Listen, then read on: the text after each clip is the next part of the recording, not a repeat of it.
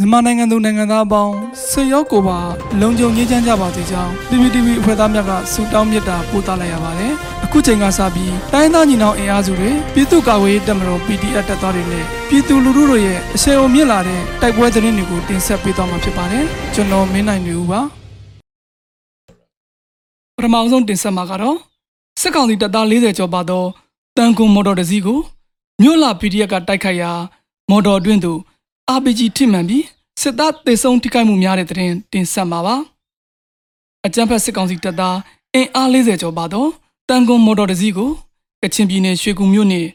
ကြောက်ကြီးရွာကြားတွင်ယနေ့မတ်လ18ရက်နနက်4နာရီခန့်၌မြို့လာ PDF က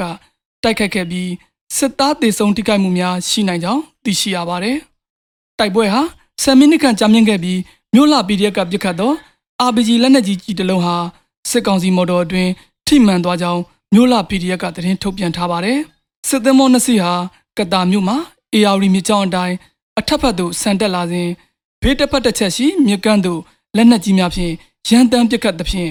မြစ်ကြောင်းဘက်ရှိကြေးရွာနေပြည်သူများဘေးလွတ်ရာသို့ထွက်ပြေးတိမ်းရှောင်ခဲ့ကြပါတယ်။အဆိုပါစစ်ကောင်စီတင်မောနှစ်စီးကိုမိုတာနှင့်ကြောက်ကြီးရာကြားတွင်ယမန်နှင့်မတ်လ18ရက်နေ့ဒေသကာကွယ်ရေးတပ်ဖွဲ့များကရှော့တိုက်တုံးများဖြင့် ပြစ်ခတ်ခဲ့ပြီးစစ်ကောင်စီဘက်မှတေဆုံးထိခိုက်မှုများရှိကြောင်းမြို့လ PDF ထုတ်ပြန်ချက်တွင်ဖော်ပြထားပါတယ်။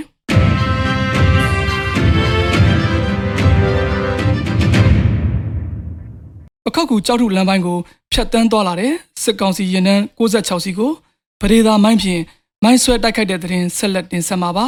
။မကွေးတိုင်းပခောက်ကူကြောက်ထုလမ်းပိုင်းကိုဖြတ်တန်းသွားလာသည့်စစ်ကောင်စီရင်နှန်း66စီကို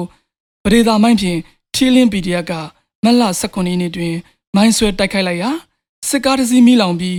စစ်သားတေဆုံးထိခိုက်မှုများနိုင်ကြောင်းထီလင်း PDF ကပြောပါတယ်မက်စလာ19ရက်နေ့ပခောက်ကူကြောက်တူလမ်းပိုင်းအားဖြတ်တန်းသွားလာသည့်ရိတ်ကာဘိုစီရင်တန်းကား66စီကို PDF ထီလင်းကပုံတောင်လမ်းစင်တနေရာတွင်အင်အားအပြည့်ပါစစ်ကားကိုဝေဝေဆဆပရိသာမိုင်းများဖြင့်အမိအရာမိုင်းဆွဲတိုက်ခိုက်ခဲ့ရာကားတစ်စီးမိလောင်ပျက်စီးသွားကြောင်းအသေးအပြောက်များပြားပြီးအရေးအတွက်အတိအကျ အတိပြုတ်နိုင်သေးခြင်းမရှိကြောင်းသတင်းထုတ်ပြန်ထားပါတယ်။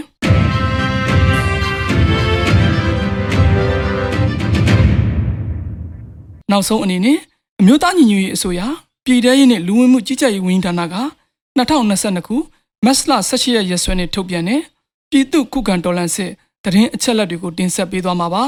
။အာဏာသိမ်းအကြမ်းဖက်စစ်အုပ်စု၏ပြည်သူလူထုအပေါ်အကြမ်းဖက်ဖိနှိပ်ဖမ်းဆီးတိုက်ခိုက်တပ်ဖြတ်နေမှုများကို ပြည်သူလူထုတရက်လုံးကအသက်ရှင်သန်ရေးအတွက်မိမိကိုယ်ကိုမိမိခုခံကာကွယ်ပိုင်ခွင့်အရာပြည်သူခုခံစစ် People Defense War ကိုဆင်နွှဲလျက်ရှိပါတယ်။သတင်းအချက်အလက်များအရ18ရက်3လ2022ရက်နေ့တွင်စစ်ကောင်စီတပ်ဖွဲ့ဝင်49ဦးသေဆုံးပြီးထိခိုက်ဒဏ်ရာရရှိသူ12ဦးအထိခုခံတိုက်ခိုက်နိုင်ခဲ့ပါတယ်။စစ်အာဏာရှင်စနစ်မြမအမျိုးပေါ်မှာအပြည့်နိုင်ချုပ်ငြိမ်းရေးနှင့် Federal Democracy တည်ဆောက်ရေးအတွက်ငြိမ်းချမ်းစွာဆန္ဒပြသည့် လူလူတပိတ်တိုက်ပွဲများကပြည်내နှင့်တိုင်းဒေသကြီးများမှာဖြစ်ပွားပေါ်ပေါက်လျက်ရှိပါတယ်။မြေပြင်မှာယခုတွေ့ရှိရတဲ့သတင်းအချက်အလက်များထက်ပို၍ဖြစ်ပွားနိုင်ပါတယ်ခင်ဗျာ။